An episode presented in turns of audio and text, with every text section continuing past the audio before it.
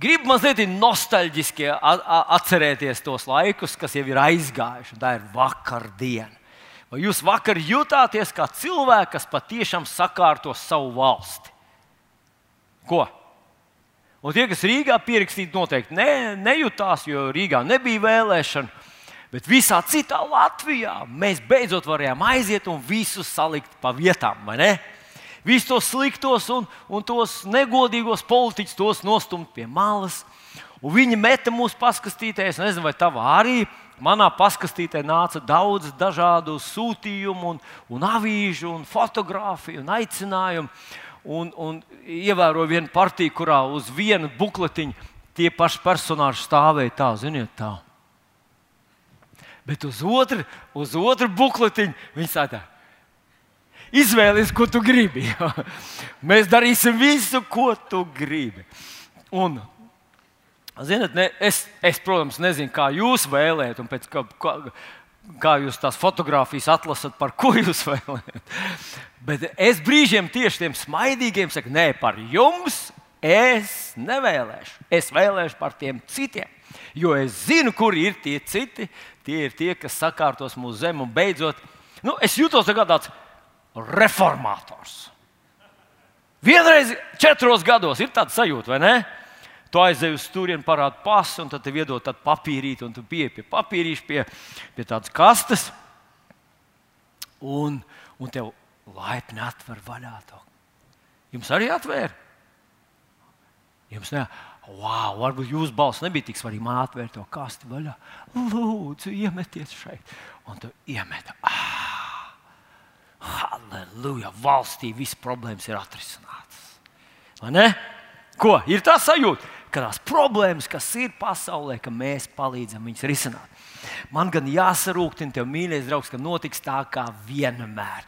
Gribējām, ka labāk notiks kā vienmēr, un tie politiķi, kurus mēs ar tevi ievēlējām, rītā viņi mīdīs tos svētumus, kas mums ir. Un brīžiem, brīžiem Es šobrīd runāju tīri par savu tādu politisko tādu novērojumu. Es, protams, neesmu, neesmu eksperts šajā jomā. Iespējams, ka šeit sēž tiešām politikas eksperti un, un zinātāji. Bet brīžiem man ir tāds sajūta, kādam nespeciālistam, ka notiek tāpat kā vienmēr. Ja? Mēs ievēlējam tos cilvēkus, un tad viņi visu salaiž grīstē. Un tad mēs gaidām nākamos četrus gadus, lai ievēlētu citus. Un tad mēs domājam, tagad būs labāk. Bet atkal ir korupcija, atkal tiek asfaltēti ne tie ceļi, kurus vajadzēja, un laukumi tiek būvēti ne tur, kur vajag. Iepirkumi tiek veikti ne tā, kā vajag. Valstī vispār ir problēmas. Kāds man piekrīt? Aha. Daži. Es esmu pārsteigts. Jā, no rīta bija vairāk to cilvēku, kas teica, ka valstī vispār ir problēmas. Un vispār ar to medicīnu, ar tām vakcīnām. Ha? Vakcīnas uzrunāja, norazonēja uzreiz. Nepiemēram, vakcīnas uzreiz. nu, nu, nu, diena. Nu, Dievs, ziniet, cilvēki runā par debesīm, par to, ka mūsu labākās dienas ir priekšā. Tad pasakā, vakcīnas un kristieši, tādi svaidīti kristieši, kuriem saknes ir debesīs, un, un visu viņi, viņi uzreiz pārvēršas. Bet kur nu vēl viss pasaules mērogā? Politiķi ar tādām skaistām fizionomijām, skaistām runām, pēc tam atklājas, ka tur ir korupcija, un, un negodīgums, un līdzekļu piesavināšanās, un, un vēl viss kaut kas pasaulē ir problēmas. Kā mēs varētu viņus atrisināt? Nu, daļu mēs atrisinājām vakar vēlēšanās, bet kā ir ar tām visām citām lielajām problēmām? Kā mums vajadzētu pareizi rīkoties? Kā mums vajadzētu pareizi rīkoties? Un, zinat, Šajās pārdomās, droši vien, ka jūs arī esat bijuši nevienu vien dienu, nevienu vien stundu domājuši par to, lūguši, varbūt, kungs, kā, kā darīt, kā pareizi rīkoties, kas ir tas, kam man jāpieslienas tā grupa un kas ir tas, kas man ir jādara. Un es arī tāpat, tāpat domāju par to.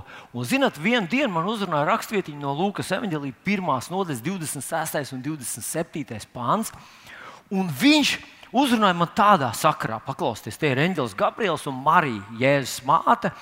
Uh, un, un re, kas tur ir rakstīts, tātad Lūkas 1. Bet sestajā mēnesī eņģeļa Gabriela Dievs sūtīja uz Galilejas pilsētu Nācereti pie jaunavas, kas bija sadarbināta vīram, kam vārds Jāzeps no Dāvida cilts, cilts. un jaunais vārds bija Marija. Un, zinat, es momentāli sāku domāt par pirmo gadsimtu. Mums šodien ir problēmas, protams, un tās ir vis visādas problēmas. Bet kā tas bija toreiz? Tas ir nu, 2000 gadu atpakaļ vai 200 gadsimtu atpakaļ. Kā tas bija toreiz? Un ir tiešām cilvēki, kas nu, idealizē to laiku. Saka, vai toreiz viss bija tik brīnišķīgi, viss bija gaiss, bija tīrs. Cīrulis patiešām varēja atšķirt no strāzda, un, un strāzda no stārķa varēja atšķirt. Un toreiz viss bija brīnišķīgi. Cukurs bija saldāks un, un veselīgāks, un zāle bija zaļāka. Bet vai tas tiešām tā bija? Nu, lūk, šodien es gribu iesākt ar šo te, un ļoti ceru, ka tu spēsi izsekot līdz manai nelielai ekskursijai. Bet tā vietā, lai domātu, kā eņģeļa Dievs aizsūtīja uz to gadsimtu, es sāku domāt, kā tas būtu, ja Dievs būtu kādu no mums. 21. gadsimta cilvēkiem ir Dievs teikšana, pēkšņi tevi uzrunāt un teikt, zini ko, tur es gribu tevi aizvest uz pašiem sākumiem. Un es gribu, lai tu uzrunā man kalponi Mariju. Pirmajā gadsimtā Izrēlā.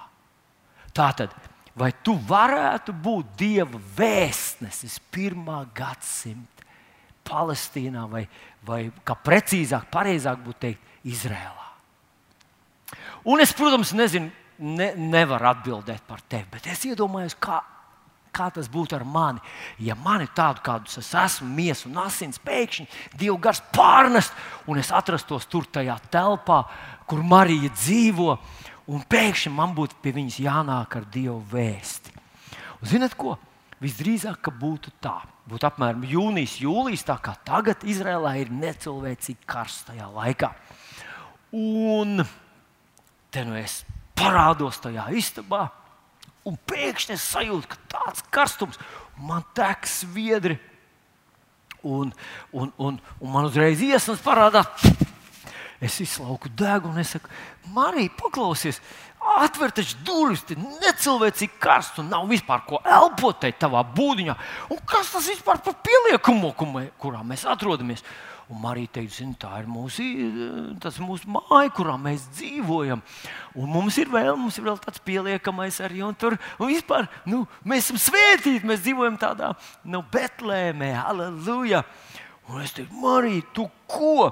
Uh, Kāpēc te ir tik tumšs? Es knapi varu saskatīt tavus sejas vaipus. Nu, viņi teikt, mēs negribam, lai tas karstums nāk iekšā. Un tas iespējams viņai teikt, kas tā smird? Un viņi teikt, nu, es nezinu, ko tu domā ar smirdu. Nu, nu, tā mēs te dzīvojam. Tie bija kādi gadi atpakaļ, mēs bijām aizbraukuši. Es nenosaukšu to pilsētiņu, vienu no mūsu Latvijas skaistajām pilsētiņām, uz viņu kultūras namu. Un, ziniet, pirmā pirmā smarža, kas man iesitās degunā, kad es iegāju iekšā tajā, tajā kultūras namā, bija tā smarža, kur mēs neviens, kur mēs šeit radām, bet neviens negribam, lai citi sajūt. Kultūras namā.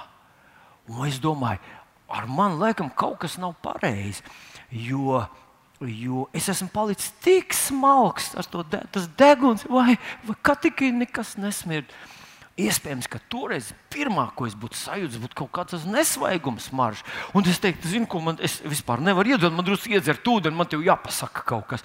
Un arī man iedot ūdeni, es iedzeru te tās čūras. Viņš, cik viens jau tas stāv, un viņš teikt, nē, šorīt biju uz akuna un atnestu ūdeni.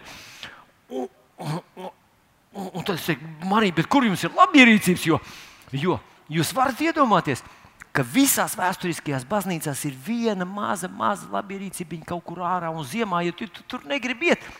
Es domāju, kas bija tie cilvēki, kas toreiz gāja uz baznīcu, pavadīja ceļā, varbūt pusotru stundu ar kājām, tad nosēdīja milzīgi garu dievkalpojumu un vēl gāja uz mājām. Varbūt mežģīnā kaut kur viņi tur apskatīja kāds koks.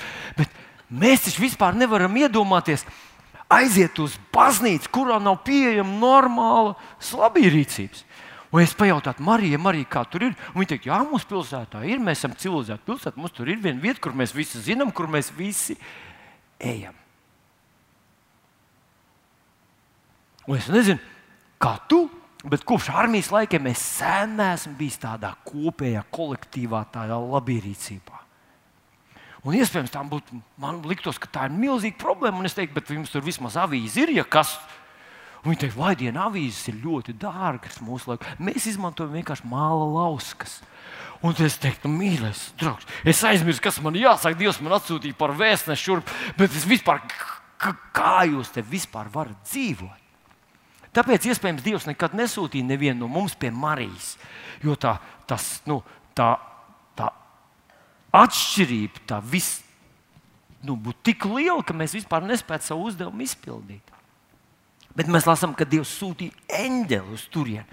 Un es domāju, pie sevis, interesanti, kā tas bija, kad eņģelis atnāca no debesīm aizgāja uz pirmo gadsimtu Izraelu, aizgāja tajā sasmakušajā mājā no akmeņiem, kur nav gaisa, kur ir uh, ūdens tā uzsils, kad līdzinās nu, visām tādām nepatīkamām lietām. Kā tas bija, kad eņģelis tur nonāca? Man radās tāda situācija, ja eņģelis, protams, ka eņģeļi atšķirās, un es uh, nevaru nevar apgalvot, ka eņģelis tiešām izjūta visu to, ko izjūt miesa un asins. Bet tomēr varbūt eņģelim būtu tāds teksts izlausies, ja viņš varētu improvizēt. Viņš teikt, nabaga bērns, kā tu vispār vari dzīvot tādos apstākļos? Un paklausies, meitenīt, tev ir tikai 11 gadiņi. Mēs domājam, ka, ka viņai bija no 14, varbūt, varbūt pat drusku jaunāka. Viņa bija, bet, bet, viņa bija apmēram tādā vecumā, tā Marija. Un eņģelim viņai vajadzēja teikt, paklausies, man te jāpasaka uzdevums, kas apdraudēs visu tavu jaunību, visu tavu likteni kas no tevis prasīs bezbailīgu ticību, kas draudēs visai tavai ģimenei, kas atnesīs tavā dzīvē bēdas un skumjas, kuras būs neizturamas. Atcerieties, viņš to pasaka, viņš to pasaka tikai citiem vārdiem. Caur tavu dvēseli zobens spiedīsies. Pats pie tevis Dievs atsūta eņģeli, un eņģelis tev pasaka, ka caur tavu, tavu dzīvi pavadīs bēdas un skumjas. Un varbūt viņš gribētu pie, pie, pievienot, Marija, tas būs neizturami. Ka tu stāvēsi pie sava pirmdzimtā dēla krusta, un ja vien tu neredzēsi mūžības perspektīvu, ak, Dievs, tavs sirds to var neizturēt. Wow! Es pie sevis iztēlojos to, bet tad man ienāca prātā vēl lielāks kontrasts. Un tas ir, ka Dievs ka debesu un zemes radītājs Dievs, un mēs zinām, Jēzus ir Dievs. Bībele viennozīmīgi atkal un atkal dažādos netiešos un reizēm brīžiem tiešos veidos saka, ka Jēzus Kristus ir Dieva trīsvienības otrā persona, Dievs dēls, ka Dievs nonāca Izrēlā pirmajā gadsimtā Un mēs zinām, Bībelē saka, ka viņš kļuva cilvēks līdzīgs mums, tāpat kā miesa un asins. Viņš jūta tās pašas sajūtas. Viņam karstumā bija karsts un augstumā bija augsts. Un tad, kad viļņi gāzās laivai pāri, viņš izjūta to tieši tāpat kā tu un es, izņemot, ka viņam bija pilnīga ticība. Viņam tāpat gribējās ēst, viņš tāpat nogura, viņš tāpat jūta iz, izsīkumu, un viņš meklēja spēku pie Dieva. Un viņš saņēma no Dieva, atcerieties, brīžiem viņš visu nakti pavadīja lūgšanās. Viņam tāpat nepatika atraidījums, viņam tāpat nepatika neusticība un tā tālāk. Citiem vārdiem, viņš bija tieši tāpat, tāds pats kā tu un es. Un viņš, viņš nonāca no debesīm. Viņš nonāca no debesīm, kur ir absolūts svētums, pilnīgs prieks, harmonija, miers, mīlestība un gaisma kur nav ļaunuma, nav vēlna, nav dēmona, nav asaru, nav bēdu, nodevības, grēka, dusmu, ienaida, neticības, mantkārības, skopums, kaudības, nešķīstuma, stulbuma, kas ir viena no milzīgām cilvēces problēmām. Viņš nonāca pirmā gadsimta Izrēlā vietā, kur bija papilnam bailes, nāvu, lāsu, sērgu, ienaids, iekārs, nenovīdības, melu, liekulības, stulbumu, māņticības, neusticības un tā tālāk. Tas kontrasts vajadzēja būt vienkārši grūti aptverams. Bet vēl vairāk viņš nonāca sabiedrībā, kurā bija pilnīga dis, dzimuma diskriminācija. Sieviete vispār netika uzskatīta par īstu cilvēku. Bērniem nebija nekādas tiesības. Bērnu tiesības bija pilnīgi aizliegts. Bija šaušalīga medicīna, pilnīga antisanitārija. Es iedomājos, kā vajadzēja Jēzum justies, kad viņš nonāca pie tā Betesdas dīķa, kur bija milzīgs pulks ar vis visādiem slimiem, kas cerēja brīnumainā veidā saņemt dziedināšanu. Un kā mēs izsmeļojām, vienreiz gadā viens cilvēks saņēma dziedināšanu. Iespējams, bet iespējams tā, tas bija vienkārši mīts, ka tur tas tā notiek. Tur Jēzum vajadzēja atnākt, paskatīties apkārt un teikt, te ir šausmas. Šīs šausmas mazliet es no tā piedzīvoju, kad es biju Izrēlā un bija tā kunga kapa baznīcā, kur skatījos, ka milzīgi rinda no dažādu valstu cilvēkiem liecās tur apakšā, lien zem kaut kāda tā, tā kā tāda galda un bučo vienu klinti, bučo visas pasaules cilvēki. Un es pie sevis padomāju, Dievs, te ir, te ir Covid nodošanas punkts. Te ir viss pasaules Covid-19 apmaiņas punkts. Ja viņš, ja, ja toreiz tāds būtu bijis, mīļais draugs, viņš būtu izplatījies zibens ātrumā pie visas pasaules. Kā Jēzus tur jutās. Un tagad, mīļie draugi, padomājiet, lūdzu, vēl vairāk, ne tikai šaušalīga me medicīna un absolūta antisanitārija. Tur bija cilvēku cieņa un brīvība tika mīdīti romiešu kājām un Heroda durkļiem iznīcinātas. Tur bija apsēsti valdnieki ar fobijām, kuri savu pašu ambīcijas, un savas labsajūtas un drošības dēļ bija gatavi iet pāri līķu kaudzēm, bija gatavi nogalināt nevainīgus bērnus. Atminties Herodu vienu, kad viņš izdzirdēja, ka piedzimis ir jaunais ķēniņš, viņš lika noslaktēt visas pilsētiņas bērnus no 2 līdz 4 gadu vecuma tikai tāpēc, lai viņa bērns varētu mantot viņa troni. Jēzus atnāca tādā sabiedrībā. Un es domāju, ja šodien mēs runājam, ka mums ir problēmas, tad toreiz tās problēmas bija saskatāmas ar neapbruņotu aci. Tu vienkārši paskaties apkārt un vari uzdot sev tādu jautājumu, kā vispār šajā vietā un šajos apstākļos ir iespējams dzīvot normālam cilvēkam, mīlēt, dzemdēt bērnus un cerēt, ka viņi izaugs. Un tad man gribējās skatīties, nu, kā tad Jēzus darīja, kā tad viņš rīkojās. Nu, teiksim, medicīnas lietās. Un pirmais, pirmais nu, ļoti spilgts gadījums, kad pie Jēzus atnāk asinsērdzīga sieva. Un tā asinsērdzīgā sieva, nu, viņa stāstu izstāsta, ka viņa 12 gadus ir slimojusi ar asiņošanu, ka viņa ir ārstējusies pie vis visādiem ārstiem, gājusi visādām poliklinikām, viņa pieņēmusi vakcīnas, un viņiem ir spricēts tās, un viņai tās, un tās, un tās, un tās, un darīts. Ka viņa iztērējusi visu savu naudu, viņa kļūst par nabagu, ubadzi ārstējoties vien, un viņa slimība ir kļuvusi vēl ļaunāka. Un tur apkārt ir tik daudz cilvēku. Jēzum bija ļoti labs priekšzīme. Nu, tāds, nu, kā to sauc, tas nu, precedents, lai tagad visai tautai parādītu, paskatieties, kāda īstenībā ir medicīna. Paskatieties, ko viņi no jums grib. Visi šie Goldbergi, Rotbergi un, un, un, un, un, un, un visi tie, nu, saprotams, ka tie visi bija ebreji ārsti. Kā mēs kādreiz domājam, nu, es es nekādā gadījumā nekādu ēnu negribu mest uz, uz, uz ebreju tautības cilvēku. Pasargdievs, tas nevietā vienkārši nu, vispār runājot par medicīnu. Jēzum bija precedents pateikt, neiet pie tiem ārstiem, viņi ir slakteri, viņiem ir pilnīgi citi mērķi, viņi tikai uz jums grib nopelnīt. Tas viss ir blefs, ko viņi ar jums dara. Jēzus šķiet neiesaistās šajā jautājumā vispār. Viņš dziedina to sievieti, saka, tev ticība tev ir palīdzējusi, un dodas tālāk. Un es domāju, paga, paga, paga. Kā tad tā? Paskatieties! Mūsdienu kristieši uzskata, ka tas ir viņu pienākums nozākāt visus, ko tur, kas tur ko ražo, no kurienes tas nāk, kādas viņi ieceras. Tas viss ir vēlams, demons un sazvērstības. Jūs ar to nesat saskārušies? Varbūt jūs paši tā domājat. Nu, tad paskatieties uz Jēzu paskatieties uz Jēzu, viņš vispār tajā neiesaistās. Un tad nākošais gadījums, kad Jānis Kristītājam nocērt galvu Herods. Herods, viņš noskatījās viens striptīs dēļ.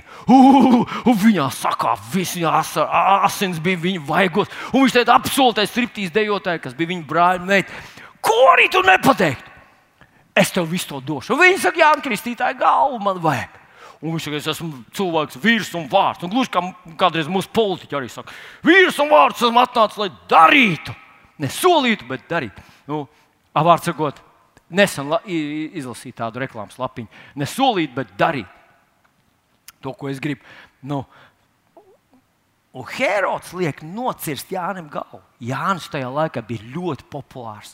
Atcerieties, mēs lasām, ka visi Jeruzalem izgāja pie viņa. Tur visa Sīrija atnāca pie viņa, kristījās. Cilvēki nožēloja savus grēkus, atgriezās no viņiem grēkiem un likās kristīties uz grēku nožēlu, uz kristību. Atgriezās pie sava dieva. Viņi visi gāja mājās, tādi mierīgi, sirdsapziņā, nomazgāti, ar jaunu apņemšanos, uzticēties, paļauties, klausīt dievam. Un Jānis bija topā absolūti. Visi uzskatīja viņu par pravietu. Herods viņam nocirta galvu, jo bija apsolījis vienai striptīs dejotājai, ka viņš izdarīs vienalga, ko viņa pateiks. Šī bija situācija, kad Jēzus mācekļi atnāca pie viņa, lai pateiktu viņiem, vai tad jūs neredzat, kādi ir jūsu politiķi? Vai tad jūs nesaprotat, ka jūs viņiem neinteresējat ne tik, cik melns aiz balta? Viņiem interesē viņu vara, viņiem interesē viņu plāni, viņiem ir savas, savi nodomi. Vai mēs ilgi vēl viņus pacietīsim, ņemam dakšus, ņemam ko, nodokļus nemaksājam, ejam, nogāzīsim, cik tur Herodam pāris simt atbalstītāji. Bet, ja mēs visi iesim, mēs varam sakārtot šo zemi. Un, ziniet, tāds noskaņojums tur bija noteikti. Un mēs lasām, kad Jā, Jāņa mācekļi atnāst, atnāk un Jēzum to izstāsta. Jēzus paņem savus 12 mācekļus un aizbrauc prom. Kamēr tā, ziniet, tā cepšanās, visa tā, tā, nu, tā, tā sašutums tur ir. Jēzus vienkārši iziet prom no tā visa un nepiedalās tajā visā. Un es domāju, pats, ne, nu kā? Toreiz tā problēma ir vēl lielāka. Tur nevienkārši viņi bīdīs savus uh, savas lietas. Ne vienkārši tur naudu piesavinājās, ne vienkārši nosfaltēt to, ko viņiem vajadzēja nosfaltēt un paņemt procentus. Viņi vienkārši spļāva virsū tai tautai un, un darīja to, ko gribēja. Un Jēzus šķiet vispār tajā visā šajā globālajā, lielajā sabiedrības problēmā neiesaistās. Un es sāku pie sevis domāt, pagaidi, pagaidi, nu, kāpēc, kāpēc Jēzus uh, neiesaistās? Kā es varētu pamatot, nu, kāpēc viņš to nedara? Un zinot, ko es sāku domāt tā? Nu, vispirms, būtu ļoti minimāls uzlabojums no tā, ka viņš iesaistītu. Viņš sāk teikt, tur tiem, pie tā doktora neiet, to neņemiet, tur sākt analizēt kaut, ko, kur, kaut kādas metodas. Nozīmīgi, kāpēc nenozīmīgi uzlabojumi? Lūdzu, nedusmojies uz mani, ja tu man nepiekrīti, varbūt. Bet es, es to ieraudzīju tā, ka tie cilvēki vienkārši gāja lielā, biezā slānī, visi gāja pazušanā, mūžīgā pazušanā un kaut ko tur mazliet uzlabot, kaut ko tur mazliet pačibināt un veltīt tam savu dzīvi. Tas būtu tas pats, kas mēs iestātos, mēs te upurētu savu dzīvi priekš tam, lai uh, nu, vistu fabrikā mēs pirms vistas kļūst par uh, vistu nagetiem, ka mēs teiktu, vistiņām vajag tā, kaut ko nomierinošu, kaut ko tādu, kaut ko tādu harmonisku. Atskaņosim viņam baha lielās tās kantātes, jo tas noņems viņam stresu, viņš jutīsies labāk pirms tiek samalts par gaļas mm, plācenīšiem. Man liekas, ka tas nav radikāli, ka tas nav tas, ko vajag, tā nav tā lielākā vajadzība. Otru, otrs iemesls, kāpēc man šķiet, ka Jēzus neiesaistījās visās tajā, bija tas, ka viņa laiks bija ierobežots. Viņam bija trīs ar pus gadi tikai, kurus uzrunāt. Viņam vajadzēja uzrunāt pēc iespējas daudz cilvēku. Viņš centās, ziniet, brīžiem tur rakstīts, ka viņam nebija laika pat paēst. Jo cilvēki karuseļi visu laiku no vienas sapulces uz otru. Iemesls, kāpēc mācekļi atcerējās Jēzus sprediķus, bija ne tikai tas, ka svētais gars viņam atgādināja, lai gan tas ir nozīmīgs, ļoti svarīgs aspekts. Viņi piedalījās daudzās sapulcēs. Viņi bija klāt. Tas gandrīz vai tā kā mūsu kārtībnieki, kas bija rīt dievkalpojumā, ar otrā dievkalpojumā, bet pienāks diena, kad būs trešais dievkalpojums. Un, zini, un tas ierakstās tevī, ka tu esi vienreiz, otrreiz, trešreiz, tu skaties, tu jau zini gandrīz vai visus tos, tos pamatlietas, tev viņas vienkārši paliek tajā tavā sirdī. Un Jēzus intensīvi izmantoja šo laiku. Paklausies, mīļie draugi! Kad es biju jauns, es skatījos apkārt, man liekas, ka tie cilvēki, kas man apkārt, vispār nemainās. Ka viņi kā ir, tādi ir un tā tas būs mūžam. Tagad es esmu drusku palicis vecāks, un es gribu pateikt, ka daudz no tiem cilvēkiem, par kuriem es domāju, ka viņi te ir un te vienmēr būs, viņu vairs nav. Dažādu iemeslu dēļ. Daži ir aizgājuši mūžībā, daži ir vienkārši viņa dzīvē kaut kas notika, kaut kas samežģījies, un viņu nav vairs. Un tas, ko es būtu gribējis viņiem pateikt, būtu gribējis varbūt izrādīt, būtu gribējis nodemonstrēt kaut kādu attieksmi, es to vairs nevaru izdarīt. Un es šodien uzrunāju tev, mīļais draugs. Tu un tie cilvēki, kas tev ir blakus, ir uz laiku. Pienāks mirklis, un iespējams viņš ir tuvāk nekā tu domā, un viņi tur vairs nebūs. Ja tev ir iespēja šodien parādīt mīlestību, ja tev ir iespēja parādīt žēlastību, ja tev ir iespēja piedot, ja tev ir iespēja atbalstīt, stiprināt, parādīt to, kas patiešām ir tavā sirdī, izmanto katru iespēju, lai pēc tam nav jākoš pirkstos un jāsaka, es gribēju, es gribēju, gribēju, gribēju un paliku gribot. Tavs laiks ir ierobežots tieši tāpat kā Jēzum tas bija. Un tāpēc viņš ķerās klāt svarīgākām lietām. Un tas ir trešais iemesls, ka Jēzus risināja to globālo, mūžīgo problēmu, lai viņi neiet uz elle. Jo elle nav sestdienas svētdienu. Mūžīga pazušana ir uz visiem laikiem. Tā es sev varēju at, a, a, attaisnot kāpēc Jēzus neiesaistījās visās tajās, uh, nu, tajās nu, kā šķiet, ļoti svarīgajās un nozīmīgajās sociālajās problēmās un, un nemēģināja kaut ko uzlabot tajā visā. Ko tad Jēzus darīja? Viņš gāja pie cilvēkiem. Jēzus gāja pie cilvēkiem. Ja Jēzus ierastos Rīgas pilsētā, vai jūs zināt, kur cilvēku grupa viņam būtu vis, es pateicu, priekšā atbildēt, bet uh, dažreiz cilvēki domājam, ka Dievam patīk pie jūras pasēdēt, viņam patiktos pastaigāt pa vecrīgas ielām. Jēzum tā patiktos skatīties mūsu gaujas līčiem, mūsu, mūsu ainā, mūsu kluso dabu. Viņam patiktos skatīties, kā tur pļāvā stienāzīšu lēkā un čirkstina un tā tālāk.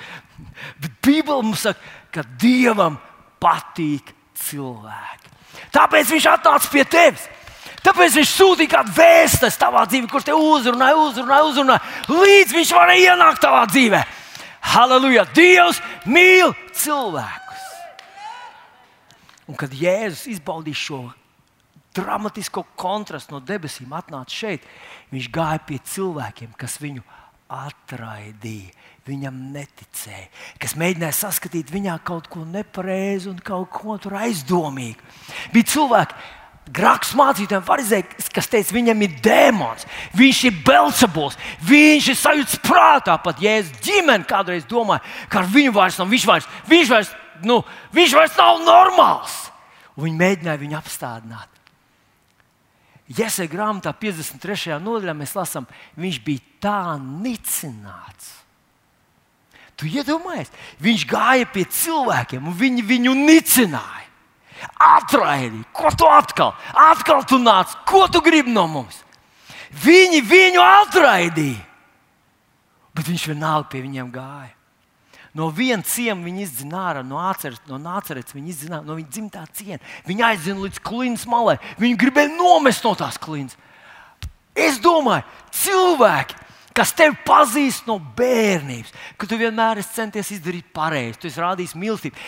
Viņš bija perfektais bērns, perfektais pusaudzis, perfektais jaunietis.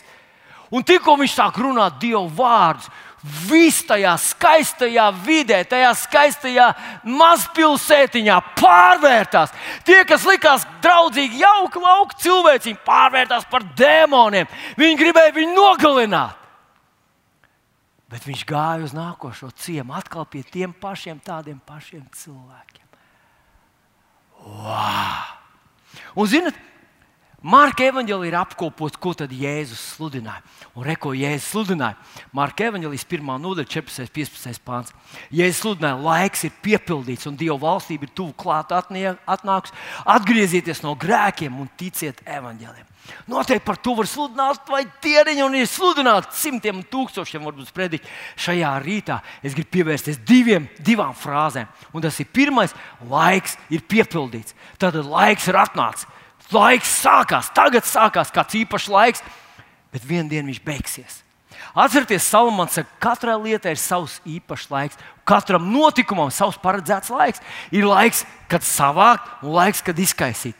Un Jēzus pasludina, bet ja mēs iedziļinātos druskuļi, kas vēl pirms Jēzus, Jānis Kristītājs iesāk tieši ar šiem pašiem vārdiem: Laiks ir atnācis! Un es to asociētu, vai manuprāt, to vieglāk izprast, ja mēs paskatāmies uz pirmsplūdu laiku. Pirms plūdu laiks, atcerieties, mēs zinām, ka viss pasaules pagrimums bija apmēram tādā līmenī, kāds, kādā tas ir šodien. Un tad pēkšņi Dievs uzrunāja no un no sludināja. No cēlā šķirst, bet no arī sludināja. Simts gadus viņš sludināja. Simts gadus cilvēkiem viņš teica, ka laiks ir atnācis. Tūlīt beigsies šis laikmets. Vienīgā iespēja, kā izglābties, ir šķirsts. Simts gadus viņš runāja, un cilvēkam bija viņš runā, runā, runā, un mūžīgi runās. Bet vienā dienā tas laiks beidzās. Un sākās plūdi. Un man, man, ja es pareizi atceros, Mateja 24. nodaļā aprakstīts, kāds būs cilvēka dēla diena vai pēdējais Jēzus atnākšanas laiks. Tur rakstīts, ka tieši tā kā pirms ūdens plūdiem viņi neko nesaprata, un vienā dienā plūdi nāca un visus aizrāva prom. Tieši tas ir tas, ko Jēzus saka, ka šis ir laiks, kad cilvēks var glābties. Šis ir tāds laiks, viņš nebūs mūžīgi. Vienā dienā šīs durvis aizvērsies. Šis ir laiks, Un es gribētu teikt, ka katra individuāla cilvēka dzīvē ir laiks, kad Dievs viņu uzrunā. Tas nevilksies mūžīgi. Tas sākās, Dievs sāk uzrunāt cilvēku vienreiz, otrreiz, trešreiz, ceturtoreiz, piektoreiz, septītoreiz. Iespējams, ka vēl astoto. Iespējams, ka vēl kādu reizi. Bet cilvēks saka, nē, nē, nē, nē. katru nākamo reizi viņš dzird sliktāk. Viņa sirds paliek cietāk, viņa nocietinās. Bet tas nemaina to būtību. Ja es saku, Šis ir tavs žēlstības laiks, tu vari pieņemt, ieiet Dieva valstībā. Un tad viņš nobeidz ar ticiet uz evaņģēliju. Viss, kas ir jaunajā derībā, viss, kas ir Kristu Jēzu, tas ir ticībā.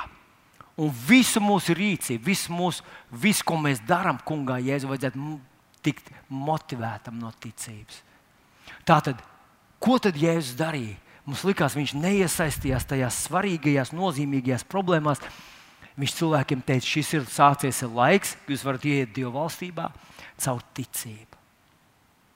Bet, mīļie draugi, man jāsaka tāds disklaimers. Tā pirmais iespējas var rasties tāds, ka tu tā palasi un paskaties tā virspusē, ka Jēzus visās šajās lietās neiesaistās. Un, zinot, ir mācītāji, kas tā burtiski viens pret vienu arī saka, ka šī pasaule divam nav svarīga. Te vienkārši jāpaciešās, vienkārši jāiztur, vienkārši jāsaprot, ka vienā dienā šī dzīve beigsies, un tur mēs nonāksim tajā pusē. Tur būs miers, prieks, glābšana, svētība, līgsmība, tur būs drošība, tur būs visas lietas. Šeit vienkārši sakodiet zobus.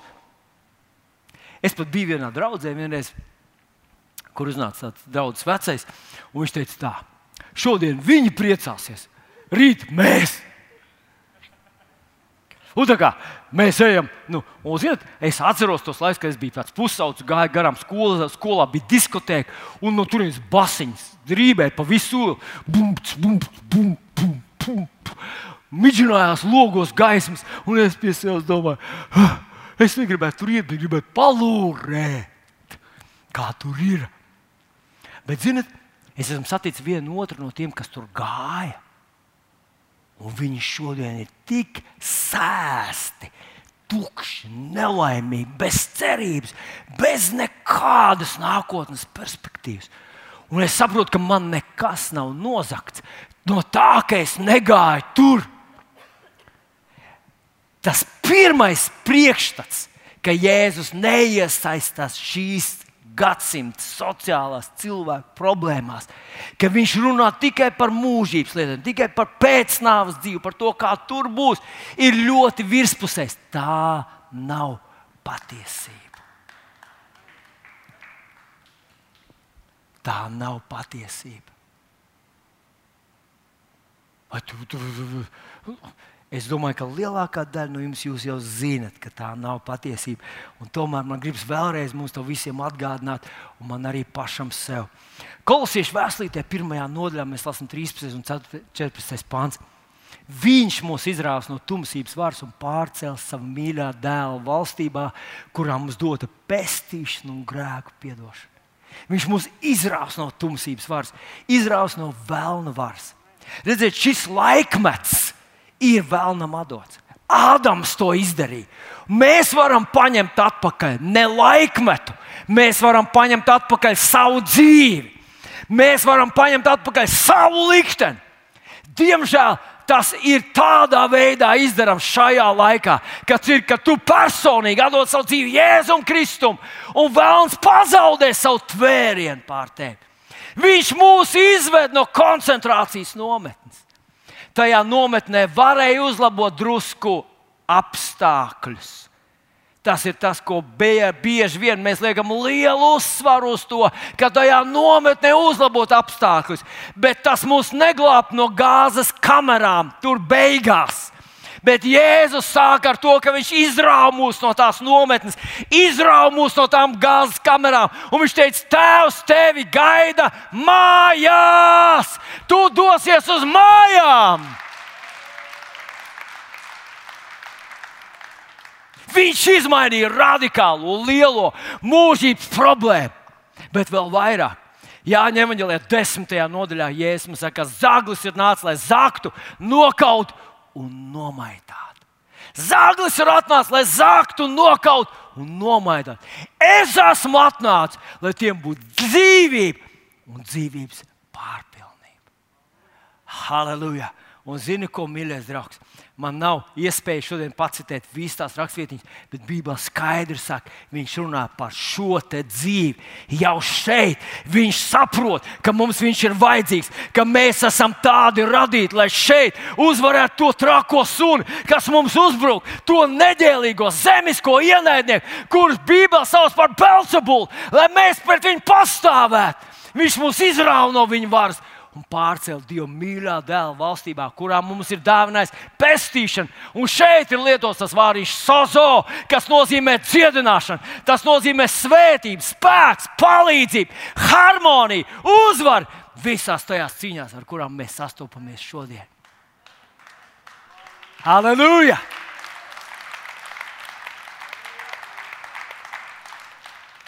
Mīļais draugs, tā doma ka sludinot evaņģēliju, tikai mēs neiesaistamies šajās aktuālās sabiedrības problēmās. Ka mēs it kā, it kā, it kā esam pārāk augstprātīgi, mēs tikai runājam par debesu lietām un neiesaistamies tajās, ir absolūti maldīgi. Tie cilvēki, kas dusmojas par vakcīnām, ka tās nav tādas, par noteikumiem, ierobežojumiem, kas tik ļoti saskrūvējas tajā.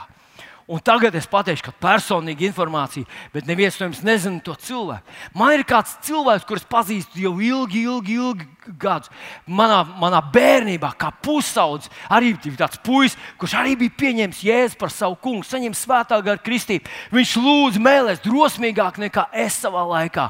Un, zinat, un, apmēram tāds tuvāks, tālāks konteksts mums saglabājies visu dzīvi.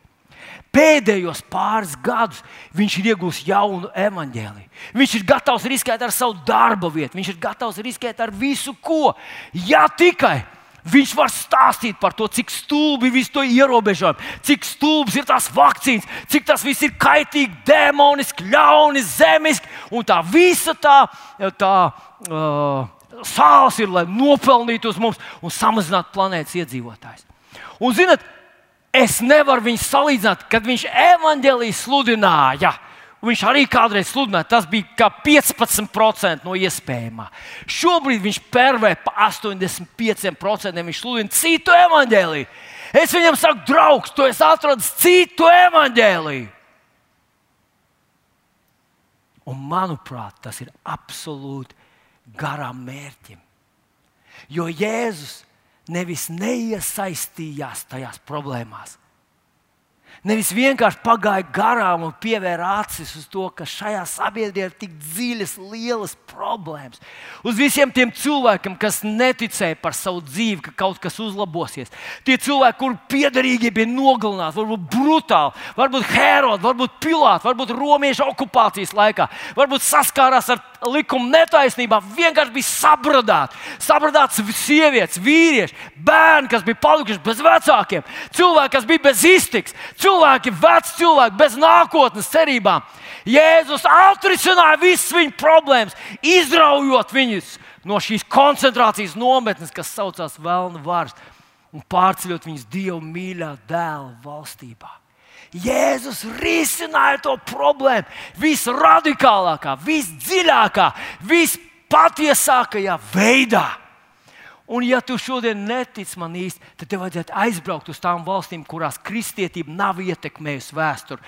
Aizbraukt uz īstām tādām hinduismu valstīm, kur tev teiks, ja tu esi piedzimis šudra, tev jāpaliek šudrai, un tev nav tiesības neko mainīt, jo tāda ir tava karma. Dievi tā ir gribējuši, tu paliksi šudra ir zemākā kastes uh, cilvēks, kuram nekādu tiesību nav, kuram vienkārši viņš ir, viņam jādara viszemākie, vismazāk apmaksātie darbi. Hinduisms to ļoti kategoriski, ļoti strikti paģēra. Un kad evanģēlis tur ienāk, un tie šūdras atmostās, ka mēs visi esam no Dieva, tas rada tādu sabiedrībā pretim stāvēšanu, ka nu tikai bet Dievs ir pacēlis dažus šūdras, kas ir kļuvuši turīgi, un viņi sludina evaņģēliju. Viņi sastopās ar dramatiskām vajāšanām. Un es ar to gribu teikt, ka mēs ar tevi dzīvojam tādā vidē, tādā sabiedrībā, kas ir evaņģēlīja ietekmēts. Un mums ar to vajadzētu saprast, ka Jēzus risināja sabiedrības problēmas, nevis pagāja viņām garām. Aleluja! Halleluja! Bet ir vēl viens pāns, kurus negribu atstāt, ne, nepieminēs. Un tas ir Galatiešiem 3. nodaļa, 13. pāns, kur Jēzus vai apelsīns Pāvils raksta par Jēzu, ka viņš ir atpircis mūs no bauslības lāsta, mūsu labā kļūdams par lāstu. Ir rakstīts, nolādēts ir katrs, kas karājas pie koka, lai Abrahāma svētība nāk par pagānu tautām. Un tur druskuļi turpinās viņš par svēto garu, bet es gribēju pieturēt šeit lai svētība. Jēzus kļuva par lāstu, lai mēs ar tevi, lai tu un es pieņēmuši Jēzu par savu kungu, mēs būtu svētīti, lai mēs būtu svētīti. Kas tad bija lāsts? Palas 5. mūža grāmatā, 28. nodaļa. Tur lāsts ir kāds. Tu uzcēl māju, bet to pievāc kāds cits. Lāsts bija, tu iestādi vienu dārzu, bet to pievāc kāds cits. Un tā augļus bauda kā cits. Tu uzaudzini bērnus, bet tos aizved gūstā, un tev nav spēka viņus atkarot, tev nav spēka viņus atgūt atpakaļ. Lāsts ir nezināšana, nespēks, zema pašapziņa. Lāsts ir neziņa par rītdienu. Lāsts ir, ka tev neveic savā dzīvē, tev vienkārši nav pamata un neveic. To visu Jēzus paņēma uz sevis, lai tu un es, lai tu un es Tie, kas mēs ticam viņa evaņģēliem, lai mēs būtu patiesībā svētīti. Kad mēs ceļam māju, lai mēs tajā dzīvotu, kad mēs audzinām vīnu, iestādām vīnu koku, vīnu dārstu piedod, lai mēs baudītu viņa augļus, lai mēs uzaudzinātu bērnus un neredzētu, kā viņus nozog pasauli, bet mēs redzētu, kā viņi kalpo Dievam un viņi ir sadraudzībā ar saviem vecākiem līdz mūža galam. Mēs esam svētīti! Jēzus atrisināja šīs milzīgās, lielās problēmas. Bet savas kalpošanas pašā beigās, 20. nodaļā, Jāņa Evanģelijā, Jēzus izsaka tādus vārdus, kas attiecās uz tevi un mani. Viņš saka, kā Tēvs man ir sūtījis, tā es jūs sūtu. Un, protams, tas nozīmē to pašu ekipējumu, to pašu garīgo atbalstu no debesīm. Kāds bija Jēzus, arī ir mums. Mums ir milzīgs problēmas to saprast, to apjaust un pieņemt. Bet mēs tajā progresējam, lēnītēm mēs ejam no ticības uz ticību un sākam arī vairāk saprast, ka tad, kad mēs pieskaramies cilvēkam, Dievs pieskarās viņam. Halleluja! Kā Tēvs mani sūtīs, tā es jūs sūtu. Un ar to es gribu teikt, mīļais draugs, ka mums ir Mūsu uzdevums nav šūmēties un cepties par to, kas valstī, kāda ir politika, kāda ir tā medicīna, kāda ir tā situācija, kāda ir tā Eiropa, ko tur Soros, ko tur Foros, kas tur, kas tur Moros un, un tā tālāk. Mums nav par to jāšūmējas. Zini, kas pats radikālākais veids, kā ietekmēt sabiedrību, kā risināt šīs dziļas sasāpējušās problēmas, ir pasludināt evaņģēlīju Kad mēs kādam cilvēkam pasludinām evaņģēliju, viņš pieņem jēzu par savu kungu, viņš tiek izmainīts pašā sirdī. Viņš tiek izmainīts pašā savā būtībā. Ja līdz tam viņš bija tumsā, nu viņš ir gaismā. Viņam viņš iegūst vērtības, no kurām viņš neatbrīvosies, neaizmirsīs līdz mūža galam. Un ja mēs ar tevi vienkārši neesam tādi garām ejoši pasludinātāji, bet mēs viņam palīdzam saprast, ka ir mīlestība, ir māceklība, bet ir arī misija. Tad tas cilvēks kļūst par vēl vienu jēzu. Vēl vienu jēzu, kas patiešām iesaistās sabiedrības lielajās problēmās, bet tās risina pašā saknē. Viņš patiešām palīdzēs notikt pārmaiņām. Un, ja Jēzus to izdarīja, mums ar tevi šodien ir pats efektīvākais veids, kā to izdarīt. Ir aiziet pie kāda cilvēka un pastāstīt viņam evaņģēlīju vēstu. Pieskarties viņam ar Dieva mīlestību, ar mieru. Bez, bez stresa un bez tā, ka fiks viņš jānopļauj, jāieraksta kaut kādā statistikā. Nē, mīlestības to cilvēku. Saprast, ka viņam ir problēmas. Varbūt, varbūt viņš ir piedzīvojis smagus posmus, varbūt viņš ir smagi slims, varbūt viņam psiholoģiski ir neizturami. Varbūt viņam, viņam ir tāds sajūta, ka viņam aiz pakauša elpo nāvi. Varbūt viņš mokās ar pašnāvības domām, varbūt viņš ir finansiāli neveiksmīgs bijis visu savu dzīvi. Varbūt viņš nav uzaugusi pilnā ģimenē, varbūt viņu plēš uz pusēm, plos kaut kādas svešas seksuālas vēlmes un tieksmes. Un viņš ir pamēģinājis un liekas, ka tās vēl vairāk iegūst varu pār viņu. Kā palīdzēt šiem visiem cilvēkiem? Ir viena atbilde, un tas ir Jēzus Kristus.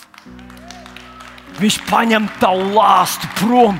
Un viņš iedod svētību, un ja tas cilvēks paliks pie viņa, ja tas cilvēks uzticēsies Jēzum, ja tas cilvēks, kā mēs lasījām 25. psalmā, 3. pantā, gaidīs uz to kungu, viņš nepaliks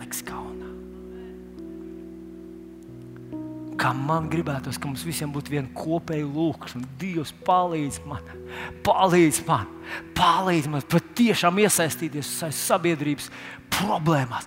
Palīdz man pieskarties ar tavu reformējošo, glābjošo, atbrīvojošo spēku. Katram cilvēkam, kur tu noliks manā ceļā, palīdz man nevis ar tādu garām ejošu statistiskā, statistiskā, evanģēlista statistiku statistiķa piegāja. Kā, čik, vienkārši es to izdarīju. Bet tā patiesi ar sirdi iedziļināties, pielūgt un ie, iežēloties par to cilvēku.